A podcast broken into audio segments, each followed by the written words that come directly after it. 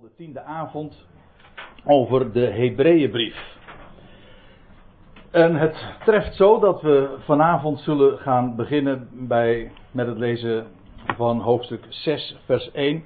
En dat gedeelte heeft de reputatie, vrij algemeen, tot een van de meest moeilijke passages te zijn van het hele Nieuwe Testament. Die voor velen ook zeer zwaar op, het hart, eh, op, het, op de maag ligt. En voordat we daar uh, wat meer in de details over zullen treden, stel ik voor dat we het eerst even zullen lezen. En omdat het gedeelte uh, zwaar is, in meer dan één opzicht, stel ik voor dat we ons beperken vanavond tot de eerste acht versen, want ik vermoed niet dat we verder zullen komen. Hebreeën 6, vers 1 dus. Daar schrijft Paulus, althans de schrijver, laten we maar anoniem houden. Maar ik heb hiermee wel mijn vermoeden uitgesproken. Het zij zo. Laten wij daarom het eerste onderwijs aangaande Christus laten rusten en ons richten op het volkomene, zonder opnieuw het fundament te leggen van bekering van dode werken en van geloof in God en van een leer van dopen en van oplegging der handen van opstanding der doden en van een eeuwig oordeel. En dat zullen wij doen indien God het vergunt. Want het is onmogelijk degenen die eens verlicht zijn geweest, van de hemelse gaven genoten hebben en deel gekregen hebben aan de Heilige Geest en het goede woord Gods en de krachten van de toekomende eeuw gesmaakt hebben en daarna afgevallen zijn, weder opnieuw tot bekering te brengen, daar zij, wat hen betreft, de zoon van God opnieuw kruisigen en tot een bespotting maken. Want de grond die de regen, welke telkens opvalt, indringt en gewas voortbrengt, geschikt voor hen ter wille van wie hij ook bewerkt wordt, ontvangt zegen van God. Doch, als hij doornen en disselen draagt, is die ondeugdelijk en niet ver van de vervloeking die uitloopt op de verbranding. Tot zover dit goede bericht. Ja. En dat uh, klinkt wat cynisch natuurlijk. En ik bedoel dat sowieso niet oneerbiedig, maar we hebben al in de voorgaande negen avonden vastgesteld dat daar schitterende juweeltjes in deze brief uh, aangetroffen worden. En we hebben er al heel wat gehad. En ik kan u verzekeren, we zullen er ook nog heel veel krijgen. Neem niet weg dat de setting van deze brief bijzonder ernstig is. En daarover hebben we het al eh, meer dan eens gehad. Vooral de eerste avond, toen hebben we, hebben we ons speciaal ook bepaald bij de hele context. De geadresseerde, de situatie, het tijdstip. En uh, feitelijk ook de, de schrijver, wat we vanuit deze brief over hem te weten komen. We hebben daar allemaal al uh, het een en ander over gezegd. En dat is enorm belangrijk. In het algemeen is het zo dat je altijd een tekst, en dat geldt ook voor een passage als deze, kunt begrijpen als je hem verstaat in de context, in de samenhang. Waarover gaat het? Aan wie is het geadresseerd? Op welke tijd slaat het? Etcetera. Dat zijn hele normale dingen. Je kunt niet zomaar iets uh, er los uitpikken. Zoals wat we vanavond doen. Dat is op zich genomen, nou dat hoef ik niet uit te leggen. Ik kan me voorstellen dat als u dit leest, denkt, mijn hemel zeg. Dit is, dit is zware kost. Dit zijn ernstige woorden. En dat zijn het ook. Daar zal ik ook geen, geen, geen letter van afnemen. En, het treft zo dat we gewoon bij aanvang van dit seizoen uh, ja, op, dit gedeelte komen. Dat was gewoon aan, nu aan de beurt. En ik denk dat het echt heel goed is dat we een avond juist hier aanwijden. Want het zal je gedacht zijn dat er heel wat kringen zijn in ons lieve vaderland. Waar een gedeelte als dit dikwijls gelezen wordt. Dat daar dikwijls ook over gepreekt wordt. En om ook de verschrikkingen van de hel aan de mensen voor te houden. Waarbij ze ook bang gemaakt worden. En daar leent dit gedeelte zich uitstekend naar voor natuurlijk. Dat is niet zo moeilijk. Vooral als je het er zo uithaalt. We doen er goed aan als we eerst nog eens eventjes goed recapituleren, zoals dat met een mooi woord heet, waar het hier over gaat. Dat wil zeggen, uh, de samenhang. Dat hebben, daar hebben we het al vaker over gehad. Maar goed, bij de aanvang van dit uh, nieuwe seizoen, we zijn er alweer een paar maanden inmiddels uit geweest, doen we er goed aan om dat nog eens goed ons te realiseren. Wat is nou echt belangrijk? Ik zeg het ook met het oog op het gedeelte wat we nu vanavond zullen bespreken. Wat is nou echt belangrijk met allemaal hoofdletters en vet gedrukt voor het verstaan van deze Hebreeënbrief? Nou, laten we even een paar overwegingen zo opzommen. De brief die staat, uh, oorspronkelijk althans, dat wil zeggen in de manuscripten, in de handschriften, tussen Paulus' brieven. Of, het, of je nou alle grote uh, handschriften, de Sinaiticus, de Vaticanus, de Alexandrinus, daar staat hij na de twee Thessalonicenzen, gewoon te midden van de brieven van Paulus. Maar wat vooral opvalt, is dat de naam van Paulus in deze brief juist ontbreekt. Hoewel alles erop wijst dat hij inderdaad de schrijver is, dat blijkt uit de connectie met Rome, de, de Timotheus, de medewerker, uh, allerlei andere inhoudelijke details. Het heeft alles ervan dat hij de schrijver is, dat het van de hand van hem is, maar zijn naam ontbreekt. En dat is in geen van Paulus' brieven het geval. Sterker nog, hij zegt dat het een keurmerk ook is van zijn brieven in uh, de laatste vers, als ik me niet vergis, van 2 Thessalonicenzen, zegt hij ook van uh, een, een, persoonlijke groet van mij. Nou moet ik het wel even goed citeren. En dan zoek je het even op natuurlijk. Hoe zegt hij het? Een eigen, 2 Thessalonicense 3 vers 17. Een eigenhandige groet van mij, Paulus. Dit is een waarmerk in elke brief, zo schrijf ik. Dat kwam eh, mede ook omdat er nog wat valse brieven van hem in omloop waren. Dat wil zeggen, uh, die zijn handtekening misbruikten. Maar in elk geval, dat was kenmerkend, karakteristiek voor zijn brieven. In deze brief, dat is een ding wat zeker is, ontbreekt zijn naam. En sowieso de naam van de schrijver. Wat ook uh, vrij logisch is, want het is een Hebreeënbrief. Ook daar hebben we trouwens bij, uh, bij stilgestaan. Een Hebreeën, het volk van de Hebreeën, het volk van de Joden, het volk van Israël. Wel, dat is niet Paulus' normale taak. Hij is de apostel van de natie, een leermeester van de natie. Zijn naam staat daar ook voor. De naam Paulus is helemaal gelieerd, dat zie je ook in Handelingen 13, waar de naam geïntroduceerd wordt, aan de natieën, voor die bediening. Wel, dit staat daar los van. Een andere opmerking. Deze eerste is van, van belang, maar vooral de, de opmerkingen die ik nu nog ga maken, die zijn echt uh, van belang. Juist ook voor het gedeelte van, van vanavond als inleiding. De, de brief, de Hebreeënbrief dus, is gericht aan een natie. Aan Israël. Een heel karakteristiek vers dat je in dit hoofdstuk, of pardon, in deze brief aantreft. Dat is iets wat je echt moet onthouden als je wil, deze brief wil begrijpen. Dat is het citaat dat gegeven wordt in hoofdstuk 10, vers 30, waar staat: De Heere, en dat is een citaat uit het Oude Testament, zal zijn volk, daar gaat het heel uitdrukkelijk over Israël, oordelen. Wel, dat zou je als, als opschrift zelfs boven de Hebreeënbrief kunnen zetten. De Heere zal zijn volk oordelen. Waarbij God trouwens altijd, en dat is een subthema, altijd onderscheid maakt tussen de gelovige rest en zij die in ongeloof leven. God maakt verschil. Daar gaat deze brief ook over.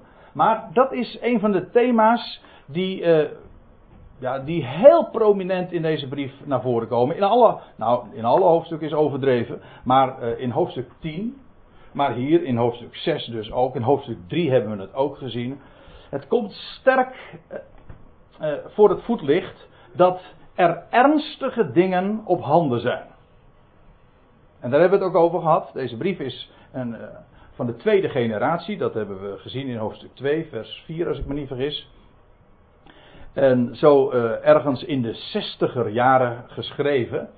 Geschreven aan Israël, aan Hebreeën, dat wil zeggen Hebreeuws sprekenden in het land vlak voordat de Joodse natie uh, van de kaart zou verdwijnen, voorlopig. En Jeruzalem in vlammen opging, de tempel verwoest werd, einde eh, van eh, de Joodse natie in die dagen. Een drama van de eerste orde.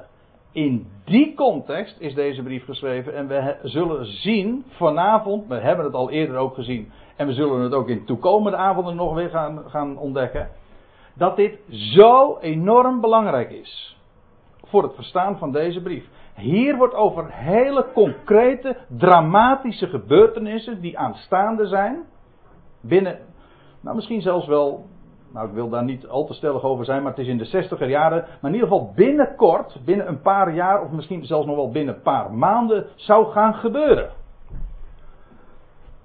Goed, het is speciaal uiteraard gericht aan de gelovigen onder hen. Ook dat zullen we nou niet vanavond, maar de volgende avond juist wel weer uh, gaan, gaan zien en ook nog wat onderstrepen. Aan het, zo, om het eventjes in, in echte typische oud-testamentische termen te zeggen, aan het gelovig overblijfsel van Israël.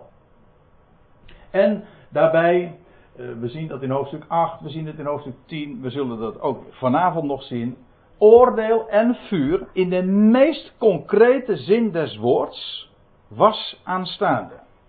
Daarover gaat deze passage en daarmee heb ik eigenlijk al iets, misschien wel het meest belangrijke ook gezegd over dit hele gedeelte. En over de Hebreeënbrief voor het verstaan van, van deze uh, zeer ernstige woorden. Goed, dit was min of meer een, een, een, samenvatting van wat we al als inleiding, als context van deze brief hadden ontdekt. Maar het is gewoon goed om in aanvang dat nog eens heel goed te onderstrepen en te onderkennen.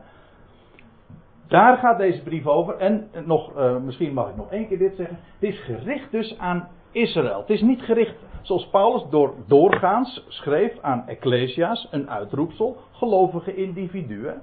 Nee, dit is een brief gericht aan een natie. Het is een nationale boodschap. Dat is een heel belangrijk punt. Niet aan gelovigen individueel, maar aan een volk, aan een natie dat op het punt stond van de aardbodem te verdwijnen. Ik bedoel als natie. En om verstrooid te worden onder de volkeren. Met uh, alle consequenties van dien, want ja, de, de, grote, de, de, de grote dingen juist voor die natie, de tempel, de hele tempeldienst, die stond op het punt dus inderdaad te verdwijnen. Vreselijke dingen. En uh, de context dus waar het in staat is, is, is, ja. Ik heb het woord nu al een paar keer gebruikt en ik zou eigenlijk ook geen beter woord kunnen noemen in dit verband. Het is een dramatische context. Dat zou binnen afzienbare tijd bewaarheid worden. Goed, nou, dat even als inleiding. Dan gaan we nu even ons uh, echt bezighouden met meer specifiek, wat staat er nou? regel voor regel. Natuurlijk kan ik niet al te uitgebreid op alle, alle woordjes ingaan. Maar we willen toch weten, wat staat er nou? laten wij daarom. Ja, dan zit je meteen alweer in het probleem. Hè? Want als ik zeg, laten wij daarom. Dat refereert uiteraard aan het voorgaande. Moet ik daar ook wat over vertellen. Dan zegt van, nou moet u het bandje of moet u die mp3 van van drie maanden geleden, toen we in juni voor het laatst een studie hadden, moet u dat nog maar eens een keertje terug beluisteren. Want toen ging het, maar ik kan het ook wat minder flauw zeggen. Uh, toen hadden we het over de melk en vaste spijs, een, trouwens een typisch Paulinisch thema. Maar uh, dat was ook aan de orde gekomen in, aan het slot van Hebreeën 5.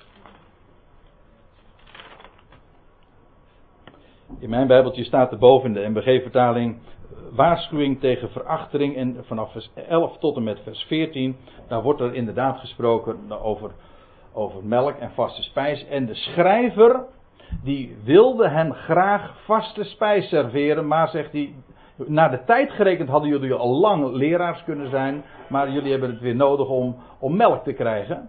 En zelfs daar zijn jullie afkerig van. En wat blijkt die vaste spijs te zijn? Dat was, hij wilde hem graag dingen vertellen over Melchizedek. Dat gaat hij ook doen hoor. Hij gaat het ook echt doen. Sterker nog, het, uh, het tweede gedeelte van Hebreeën 6 en vooral uh, hoofdstuk 7 gaat van het begin tot het eind over Melchizedek. En De geweldige betekenis. Dat we, gaan er nog, uh, nog schitterende studies worden. Maar vanavond dus een heel ernstig gedeelte. En goed, hij wilde bepaalde dingen kwijt aan hen en dat kon niet. Ze waren afkerig. En het was niet alleen maar zo dat de ontwikkeling stagneerde, maar ze waren weer eigenlijk terug bij af. Dus, dus maar niet alleen, zoals wij trouwens dat ook wel zeggen, stilstand is achteruitgang. Nou, dat was voor hen met recht het geval. En, maar hij zegt, laten wij daarom, vanwege die vaste spijs die hij, hij hen wilde geven, laten wij daarom het eerste onderwijs aangaande Christus laten rusten. En uh, zoals gebruikelijk heb ik u ook hier weer de, de interlineair onderstaan, zodat we echt, nou, echt woord voor woord de dingen kunnen bezien. Wat er letterlijk staat, laten wij, uh, het wordt weergegeven met het eerste onderwijs aangaande Christus.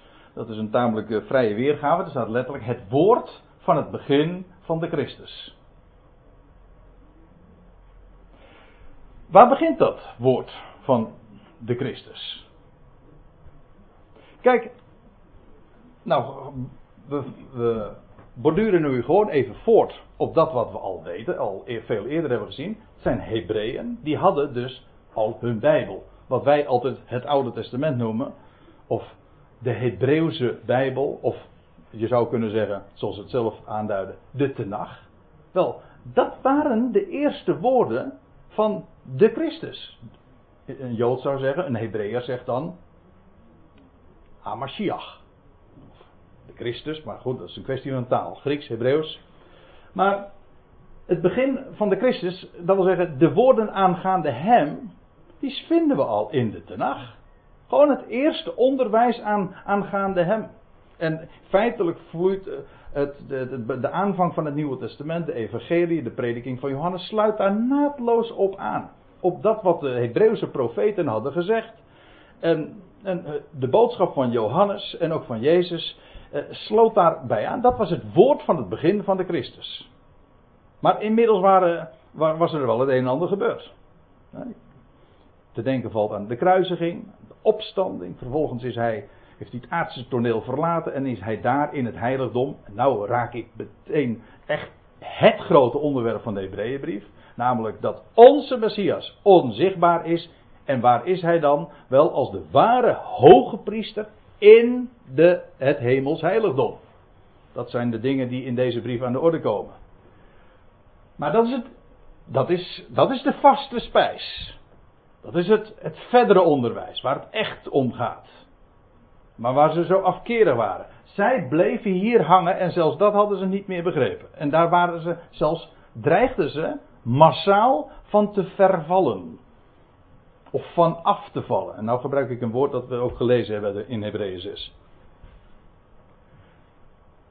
Laten wij daarom het eerste eh, het woord van het begin van de Christus uh, rusten. Ik zal u uh, eens meenemen naar 2 Korinthe 5. Paulus zegt dat daar. Uh, zo kennen wij dan van nu aan. Dat zijn krasse woorden die de apostel hier uitspreekt of opschrijft. Zo kennen wij dan van nu aan niemand naar het vlees. Indien wij Christus, of indien wij al Christus naar het vlees gekend hebben, mocht dat het geval zijn, thans niet meer. Wie is die Christus naar het vlees? Dat is niet de Christus die hij nu is. De opgestane, nee, dat was de Christus die hij was hier in zijn opwandeling op aarde. Dat was Christus hier naar het vlees. Om het gelaten 4 vers 4 te spreken, hij geboren uit een vrouw, geboren onder de wet. Besneden ten achtste dagen, op de veertigste dag getoond in de tempel. Als een Joodse jongen groot geworden op twaalfjarige leeftijd, zijn bar mitzvah. En een rabbi. Hoe vaak lezen we het niet dat hij zo genoemd wordt? Hoe vaak lezen we ook niet deze woorden? Hij leerde in hun synagoge. Een Jood. Op en top. Die zijn volksgenoten wees op hun eigen geschriften. Gij onderzoekt de schriften, zegt hij. Maar die zijn het die van mij getuigen. Jezus sprak als mens en had zichzelf herkend in de schriften. Hij wist wie hij was. Niet door een openbaring, maar gewoon omdat hij wist Dat is trouwens ook woorden die in de Hebreeënbrief worden aangehaald. In de boekrol staat van mij geschreven. Zie, hier ben ik, Heer, om uw wil te doen. Hij wist welke weg hij moest gaan. Hij is die weg ook gegaan. Maar goed, een Jood. Hij leerde in een synagoge. Bovendien, laat, vergis u niet, want sommige mensen die hebben daar uh, weinig notie van als ze de evangelie lezen, dan die passen dat allemaal zo lukraak op, hen, op, op zichzelf toe. En dat is, uh, dat kan soms heel goed hoor. Dat wil zeggen, je kunt allerlei, je kunt alles, allerlei dingen in de schrift zomaar op jezelf toe, toepassen. Maar uitleg is wat anders. Dan moet je weten dat alles wat in de evangelie gesproken is, gesproken is. Weet u wel, in sommige bijbels zijn die lettertjes dan allemaal rood gekleurd. Maar vergis u niet, al die rode lettertjes in sommige bijbels, dat is brood. Ik, nou gebruik ik woorden van Yeshua zelf, van Jezus. Namelijk, dat is brood voor de kinderen Israëls. En het, waarvan Jezus zelf zegt, het is niet goed om dat aan de hondjes te geven. Weet u wie wat hij daarmee bedoelt? Dat zijn u en ik. De heidenen, gewoon de natie. Dat is niet goed om dat zomaar lukraak te geven. Ik bedoel, al de schrift is van God geïnspireerd en nuttig om te onderhouden en te lezen en te bestuderen, etc. Allemaal tot je dienst. Maar alles schrift is weliswaar voor ons, maar gaat niet zomaar over ons. Absoluut niet. Dit, de Christus naar het vlees. Hij was geboren onder de wet, hij leefde onder de wet, hij was een rabbi, hij was slechts gezonden. Slechts, hè, let op dit woord. Dat wil zeggen uitsluitend. Tot het huis, tot de verloren schapen van het huis Israëls.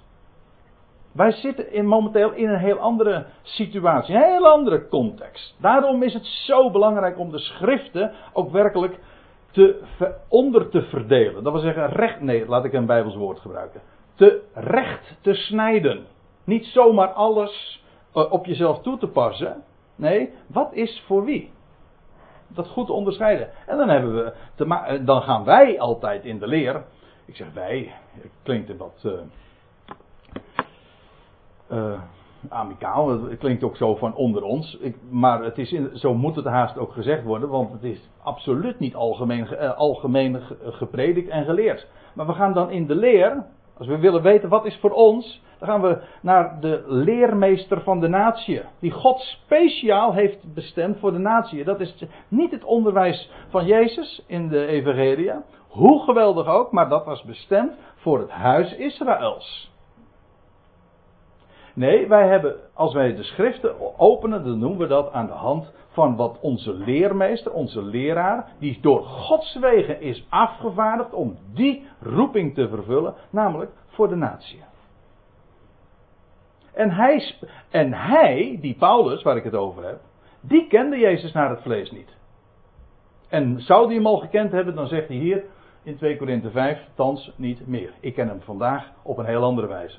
En zoals hij hem ontmoet heeft, dat was met een hemelse lichtglans, buiten het land Israël, vanuit de hemel. Een hemelse Christus, vanuit het heiligdom. Kijk, dat is een heel ander verhaal. Dat is vaste spijs trouwens.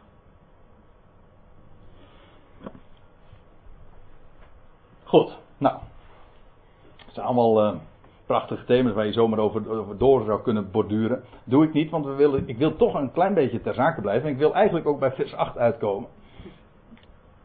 Wat altijd weer een hele tour is voor deze jongeman. Maar goed. Uh, laten we daarom het, uh, eerste onderwijs, ik lees dan maar even vooruit de NBG, aangaande Christus laten rusten en ons richten op het volkomenen. Of eigenlijk staat er, ja, het volkomene, eh, dat woord betekent letterlijk de volwassenheid. Zo wordt het doorgaans ook vertaald. De op de volwassenheid zou uh, worden gebracht. Maar dat sluit dus weer aan bij waar hij het over had, namelijk over melk. Dat is voor de kindertjes, voor de zuigelingen. En vaste spijs, dat is voor de volwassenen. En dus niet het, je, weer dat eerste onderwijs tot je te nemen. Alles wat de Jood wist vanuit het Oude Testament over de Christus. Nee, dat zou hij zou moeten laten rusten verder aan. Het is toch niet gezond? Het is helemaal niks mis mee als jij als kind uh, gevoed wordt door moedermelk. Maar het is toch een beetje vreemd als je op je twintigste dat nog steeds doet. Hè? Inmiddels praten we trouwens over uh, een situatie waarin de Hebreeën al 40 jaar verder waren, bijna, 35 jaar pakweg. Ik bedoel, sinds de dood en opstanding van Christus. Nou, Paulus zegt, naar de tijd gerekend hadden jullie toch wel al lang uh, leraars kunnen zijn. En aan vaste spijs toegekomen zijn. Nou, dat is dat volkomene, de volwassenheid. Het onderwijs aangaande de Christus in het heiligdom, et cetera. Nou, en dan zegt hij, ons richten op dat volwassene, op dat volkomene, zonder opnieuw het fundament te leggen. Letterlijk staat er het fundament neerwerpende. Ja. Sommigen vatten dat woord neerwerpen altijd negatief op. Ik, kan, ik, ik zou niet weten, katabole. Zegt u dat wat? Ja, voor sommige mensen wel. Katabole, dat wordt uh, elders weer, weergegeven met de nederwerping. Uh, nee, sorry, met de grondlegging. Als er bijvoorbeeld staat de grondlegging der wereld, dan staat er letterlijk dit woord, althans de stam daarvan. Katabole, dat betekent, kata betekent neer en bole is een bal, hè? Is werpen. En dat kan een negatief zijn, iets neerwerpen, dat wil zeggen omverwerpen. Uh, ik denk dat hier niet de gedachte is. En u moet het maar niet kwalijk nemen, maar ik heb zelfs ik heb kritiek op dit, uh, de concordante version. Disrupting, dat is ook negatief. Dat is omverwerpen of, of kapot maken of zoiets. Maar het is gewoon neerwerpen. Al of niet uh, negatief, maar dat kan, dat hangt van de context af. Hier wordt gesproken over het fundament wordt neergeworpen. Gelegd. Nou, als u daar. Uh, ik ga er. Het kan zijn dat u, dat u daar, of uh, jij daar wat uh, anders uh, over denkt. Ik zou het ook wat nader moeten toelichten, maar ik wil het even laten voor wat het is. Ik wil niet fel nu hier op dat woordje katabole verder gaan, want dat zou een beetje te ver buiten het onderwerp komen. Het gaat even om dit punt. Dat laten we de rode, rode draad vasthouden. Namelijk, hij heeft het over het fundament en over dat wat daarop gebouwd wordt. Dit is melk, dat wat erop gebouwd wordt, dat is de vaste spijs. Het ene heeft te maken met de kindertijd, het andere heeft te maken met de volwassenheid. Nou, hij zegt, laten we dat niet opnieuw weer neerleggen, neerwerpen. Dit is dat, dat is dat fundament, dat is dus het onderwijs van het oude verbond, van de Tenach. Waarop de evangelie ook feitelijk voortborduren en op aansluiten. Nou, en dan gaat hij wat vertellen over dat fundament. Dat eerste onderwijs. Het begin. De beginselen. De elementen. Het ABC, of hoe je het ook maar zeggen wil. En ik heb uh, bij de bestudering. Uh, ja, ik, hoe doe je dat met Bijbelstudie? Je schrift met schrift vergelijken. Je, waar komt dat woord nog veel uh, vaker voor? Je pakt de, de interlineair, et cetera. Maar ik zal u verklappen dat ik toch ook wel eens een keertje commentaren raadpleeg. En bijna allemaal zeggen ze: het gaat hier over het fundament van het christendom. En dat zit er zo ver naast. Als u het mij vraagt. Ik wil het ook wel laten zien. Want wat hier naar voren gebracht wordt, gaat helemaal niet over uh, het begin van, van het christendom of van het, van het onderwijs dat, dat Paulus gaf. Helemaal niet. Wordt zelfs niets over genoemd. Niets. Hier gaat het over, en dat bevestigt ook precies weer waar we het eh, ongeveer mee begonnen, namelijk dat deze brief is gericht aan Hebreeën die een Hebreeuwse Bijbel hadden, die een Hebreeuwse verwachting hadden van de Messias. Zij kenden dat allemaal. En wat, hadden, wat hen tot, voor hen tot de fundamenten, tot de elementen van hun, uh, hun, hun, hun kennis? Wat wisten zij? Wat was voor hen fundamenteel? Nou, eh, het eerste wat genoemd wordt, dat is bekering, metanoia. Bekering van dode werken. Dat kende een Jood. Dode werken is trouwens wat anders dan boze werken. Dode werken is eigenlijk waar het leven in ontbreekt. Waarin het woord, dat wil zeggen, eh, waar het woord van God geen plaats in heeft. Daar zou een mens van, zich van bezinnen. Dat wordt je metanoia. Dat wordt je meta. Dat betekent eigenlijk na. En noia, Denk aan paranoia. Noia heeft te maken met de denkzin. Dus feitelijk betekent metanoia, als je het heel letterlijk weergeeft, nadenken. Vandaar dus ook bezinning. Kom tot bezinning. Het woordje omkeren is weer een ander woord. Of terugkeren. Hier wordt dit woord gebruikt. Bezinning. Een mens zou zich bezinnen van dode werken. En dat wil zeggen zich wenden tot het woord van God. Wel, een Hebreeuws, uh, deze Hebreeën wisten dat. Dat was de essentie, dat hoorde bij het ABC van zijn kennis. Een mens zou zich richten op het woord van God en daarmee zich bezinnen en omkeren en, uh, en zich afwenden van dode werken. Van geloof, dat is het tweede wat genoemd wordt. Van geloof in God. U ziet, hier, hier staat het woordje, het voorzetsel in, maar er staat op. Het Griekse voorzetsel voor op. Epi. Is niet in. Geloof in God is wat anders dan geloof op God. Geloof in God. Geloof jij in God? Dat betekent geloof jij dat God bestaat? Maar daar gaat het hier niet over. Dat wordt sowieso verondersteld. De dwaas zegt in zijn hart, die is er, hij is er niet. Dat is een dwaas. Nee, geloof op God. Dat voorstel is eigenlijk heel mooi. Dat wil zeggen dat je daarop steunt. Op, op rust. Dat op, op het, zoals je dat doet op een fundament. Op een fundament sta je. En waar sta je op? Wel op, dat, op, op God. Wat hij namelijk gezegd heeft. Maar niet vaag geloven dat hij bestaat. Nee, staan en geloof, vertrouwen stellen op, op God. Dat wil zeggen op wat hij gesproken heeft. Wat beloofd heeft.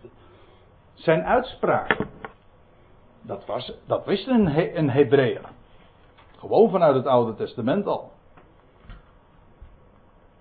Eh, van een leer van dopen. Ah, dat is ook een boeiend hoor. Eigenlijk uit, zo, zo ongeveer uit elk zinsdeel wat hier genoemd wordt, blijkt al. dat we hier niet praten over het ABC van het onderwijs van Paulus. Absoluut niet. Hij, hij praat hier over het ABC van wat een, Hebre, een een Jood, wist. Nou, wat speelde voor een Jood? Een leer van dopen. Het woordje baptismos, dat is wat hier gebruikt wordt. Onderwijs van. En dan in meervoud. Van dopen. Niet als werkwoord. Ik doop, jij doop, wij dopen. Nee, van dopen, dat wil zeggen één doop, twee dopen. Een leer van dopen. Nou, een Hebreeër kent dat. Dopen is een door en door Joodse uh, bezigheid.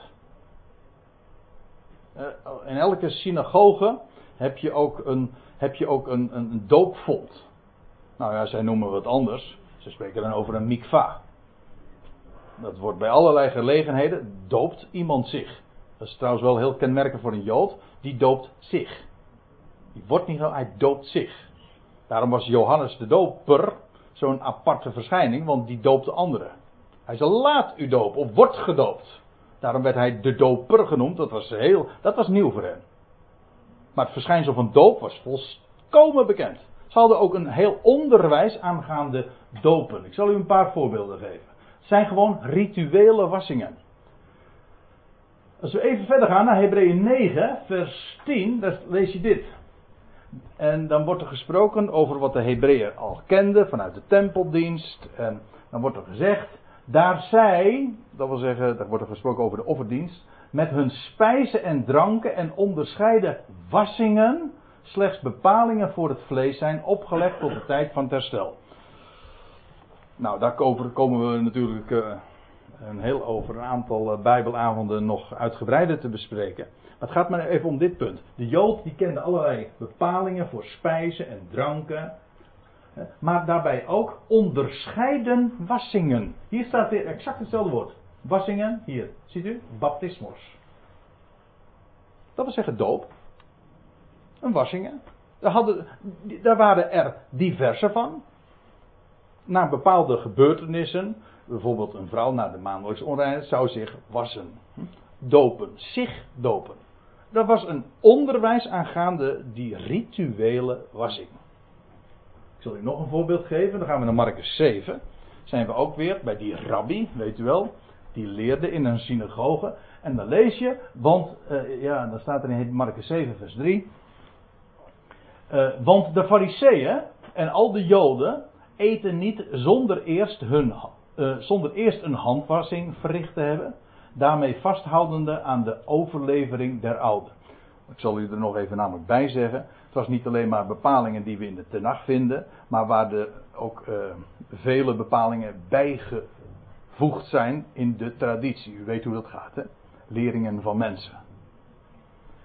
En dan staat er nog bij in vers 4 van datzelfde hoofdstuk. En van de markt komende eten zij niet dan na zich gereinigd te hebben. Hier staat weer dat woordje baptizo. U ziet, het wordt nogal eh, verschillend weergegeven, zodat je dat als lezer niet meer allemaal met elkaar uh, in verband brengt. De ene keer reiniging, de andere keer wassing, de andere keer doop. Maar het staat in het Grieks gewoon hetzelfde woord. En van de markt komende eten ze niet dan naar zich gereinigd hebben. Nou, dat is dus een dagelijkse bezigheid zelfs. En vele andere dingen zijn er waaraan zij zich volgens overlevering houden. Bijvoorbeeld het onderdompelen, weer het woordje baptismos, van bekers en kannen en koperwerk. Hier, hier weer datzelfde woord. hè? Dat is de afwas, ja. Ja, dat kennen wij ook nog, ja. Oh, tegenwoordig laten wij dat natuurlijk machinaal doen. Maar dat is ook een, ja, dat is ook een doop, ja, een wassing. Alleen, dit is een speciale rituele wassing. Niet uh, zomaar voor de hygiëne, nee, het, het, om rituele of geestelijke of welk woord je daar ook voor in wilt vullen. Uh, zulke redenen. Maar u ziet hier ook beide gereinigd en onderdompelen. Maar het is dat ene woord. Baptismos. In ieder geval dat grondwoord. Leer van dopen, dat is wat ik er nu even over wil zeggen. Het gaat mij nou even niet over, uh, over doop. Of over uh, wat Paulus daarover zei. Die zei er trouwens bijna niks over. Nee, is maar één keer dat hij echt zich uitspreekt over waterdoop. En dan zegt hij: De Heer heeft mij niet gezonden om te dopen. Maar om het evangelie te verkondigen. En voor de rest heeft hij het vaak over de doop in, in Christus. En de doop in het lichaam. De doop in één geest.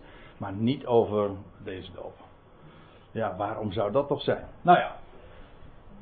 Daar gaan we het dus niet over hebben. Maar de Hebreeër kende een hele leer van dopen. Nou, en wat ze nog meer hadden. En een leer van dopen. Maar ook van oplegging van handen.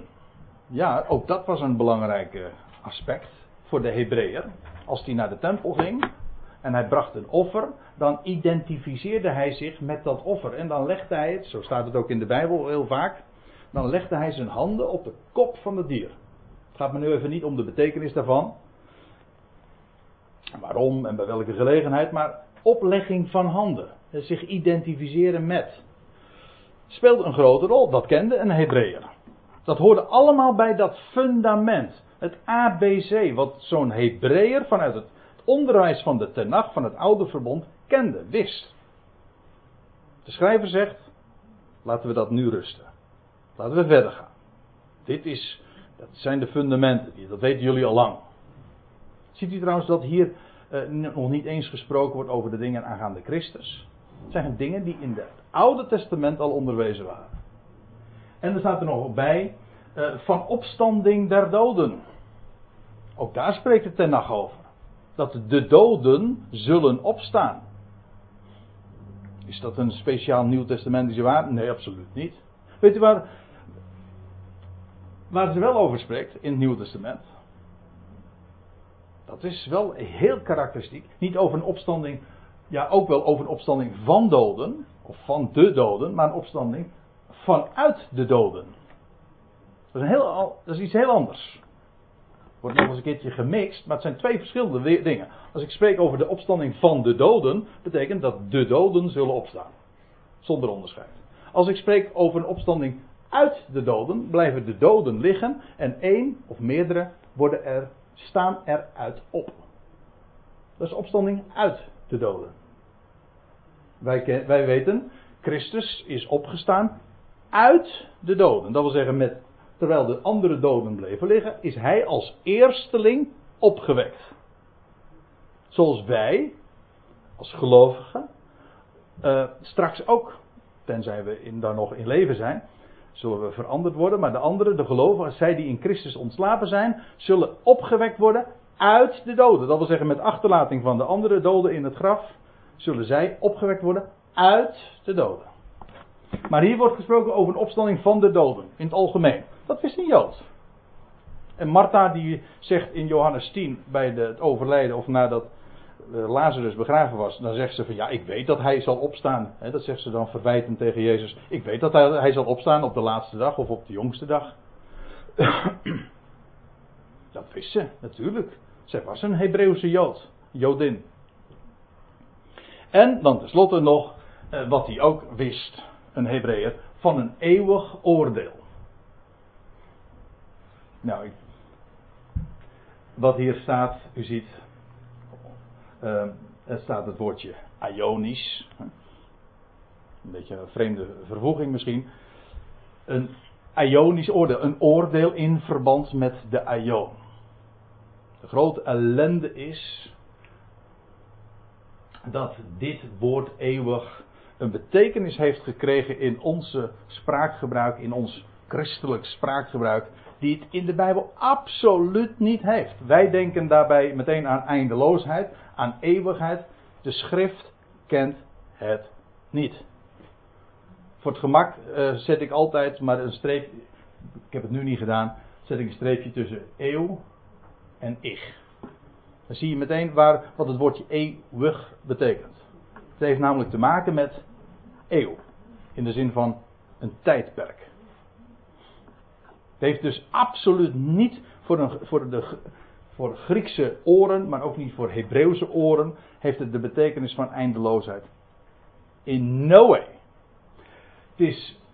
Het, heeft te maken met God oordeelt, God richt met betrekking tot tijdperken en in tijdperken. Nooit eindeloos, dat, dat is een, ik, durf, ik schroom niet zelfs om het woord te gebruiken. Het is een diabolisch idee dat God, diabolisch duivels, hè, dat God oneindig, eindeloos zou oordelen. Wat, wat trouwens niet alleen diabolisch is, het is ook zinloos. Want een oordeel is juist om dingen recht te zetten. Richten, gericht. Wel, de Bijbel spreekt daarover. Oordeel in verband met de, de eeuw. Dat wist een Hebreeër. Nou, dat hoort allemaal bij dat fundament waar, waar de schrijver het hier over heeft. Hij zegt, laten we dat rusten. Dat weten we. God oordeelt, richt met betrekking tot de eeuwen, de ionen. Voor de rest laat ik nu eventjes dat wat de, de christenheid ervan gemaakt heeft, laat ik eventjes liggen. Dat parkeren we tot een andere keer. Maar we blijven even bij het onderwerp dus. En hij zegt, nou, dat onderwijs, en hij heeft een vijftal dingen nu genoemd over wat allemaal bij het, bij het fundament hoort. Wat hebben we gezien? Wacht even uh, het fundament van bekering van dodenwerken, van geloof op God, van een, een leer van dopen, drie, een oplegging van handen, vier, van uh, opstanding der doden, vijf, en van een eeuwig oordeel, zes. Ik vergis hem in de telling. En hij zegt, laten we dat rusten. En hij zegt, dat zullen wij doen indien God het vergunt. Ja, en dat uh, woord maakt de schrijver ook waar, want hij zegt, laten we dat rusten. En nou, hij gaat nu nog wel een aantal woorden hier aan wijden. En over, over het enorme belang daarvan. Maar uh, hij, dit is feitelijk aanloop. Want hij wil dingen gaan vertellen over die vaste spijzen, over de volwassenheid, over waar het hem nu allemaal om te doen is. En dat gaan we straks dan allemaal, straks, ik bedoel, in de toekomst bij een andere Bijbelstudie, bij, bij een andere avond, gaan we het hebben over Melchizedek. Onder andere. Over de tabernakel, over de hoge priester die daar was ingegaan. Al die bepalingen blijken schitterend schitterende verwijzingen te zijn naar de positie die de Messias, Christus Jezus, vandaag heeft. Ontrokken aan het oog, dat wil zeggen achter het voorhangsel, even in dezelfde beeldspraak. Achter het voorhangsel, ja maar daar is hij nu. En TZT zal hij uit het heiligdom komen en dan zal hij, trouwens Yom Kippur, dat was het, wanneer? paar dagen geleden. Het is vandaag, uh, vandaag is Sukkot begonnen, de 15e van Tishri. Het Loofhuttenfeest, maar vijf dagen daarvoor was het Yom Kippur. En dan de hoge priester kwam dan uit het heiligdom. En wat deed hij dan? Hij zegende het volk. Zondebok werd weggestuurd de woestijn in. Wel, dat zal allemaal gebeuren als straks de hoge priester, de koning-priester, naar de ordening van Melchizedek, uit het heiligdom zal komen. En dan zal hij zijn volk gaan zegenen. Ja, dan praten we over weer een andere tijdsbestek dat is ingeluid. Weer een andere situatie. Maar goed, de huidige actuele situatie is: Christus is niet hier op aarde. Hij is boven, ontrokken aan het oog. En daar verricht hij een belangwekkend werk. Wie is hij daar? Wat doet hij daar? Waarom is hij daar? Wel, dat zijn allemaal dingen die in deze Hebreeënbrief aan de orde komen. Schitterend in, wordt dat geïllustreerd aan de hand van al die beelden ja, die God al als een soort plaatjesboek aan zijn volk had gegeven. Van de tempeldienst, de offerdienst en de kleuren van de hoge priester en zijn gewaad, etc. Schitterende onderwerpen. Hij zegt dat zullen wij doen, dat wil zeggen we zullen daar aandacht aan geven. En hij zegt indien God het vergunt. En dat deed God. Namelijk het brengen dus tot volwassenheid en uh, het geven van vaste spijzen. Ja, en nou zou ik uh, op vers 4 uh, eh, verder door kunnen gaan. Maar eigenlijk vangt hier weer een, een nieuw gedeelte aan. Dus ik denk dat we verstandig gaan doen. Dat we nu even gaan pauzeren. En dan gaan we straks over dit gedeelte verder.